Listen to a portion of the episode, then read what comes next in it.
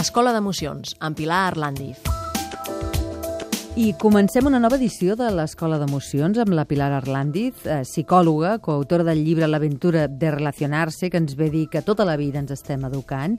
És també terapeuta familiar i és formadora en gestió emocional. Benvinguda, Pilar. Hola. Avui parlem d'una emoció potent, d'una emoció forta, la passió.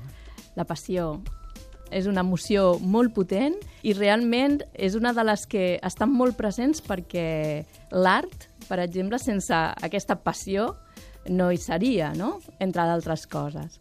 Llavors, la passió és allò que ens atrau molt d'una cosa i, i llavors el que fem és dedicar-hi molt de temps, no? perquè ens apassiona i el que volem és conèixer més, investigar més. No? El que també té és una càrrega molt important a nivell emocional perquè, clar, ens podem deixar endur per aquesta passió i aleshores ha de venir uh, la raó per posar-nos també a lloc, no? i contrarrestar una mica aquesta passió que a vegades es pot, doncs això, desfermar, no? Que en els nens és molt habitual que es desfermi la passió. Ah, exacte, no? I, aleshores, i bueno, amb els adults alguns també, eh? Per això a mi m'agrada molt sempre comentar el fet de que nosaltres som l'exemple dels nostres fills i filles. Conèixer la, la passió, eh, el, aquest sentiment per poder veure'l amb, amb ells i també per ajudar-los no? a conduir-lo. Llavors, clar, la passió pot sorgir de sobte i anar-se fent molt més estable amb el temps, no?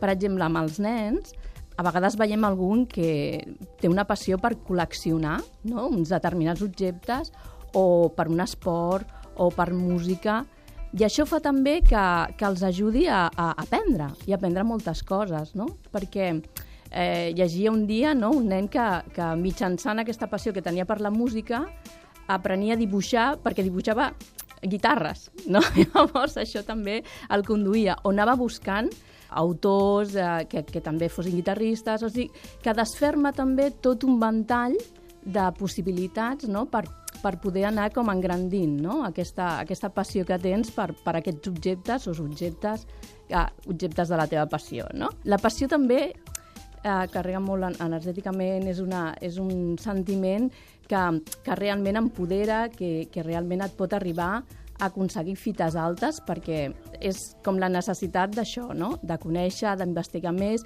inclús també el fet d'esforçar-se, no? Uh, perquè, clar, ja, bueno, ja ho sabem que el fet d'anar a competicions, per exemple, nens i nenes, o el fet d'anar a assajos, etc etc, doncs, bueno, requereix un esforç i ho fan perquè és la seva passió, en definitiva, no? d'alguna forma. Una altra cosa també important és que els fa relacionar-se amb persones que estan interessades amb, el, amb la mateixa temàtica. I això, per exemple, mmm, jo a vegades amb el tema dels adults, no?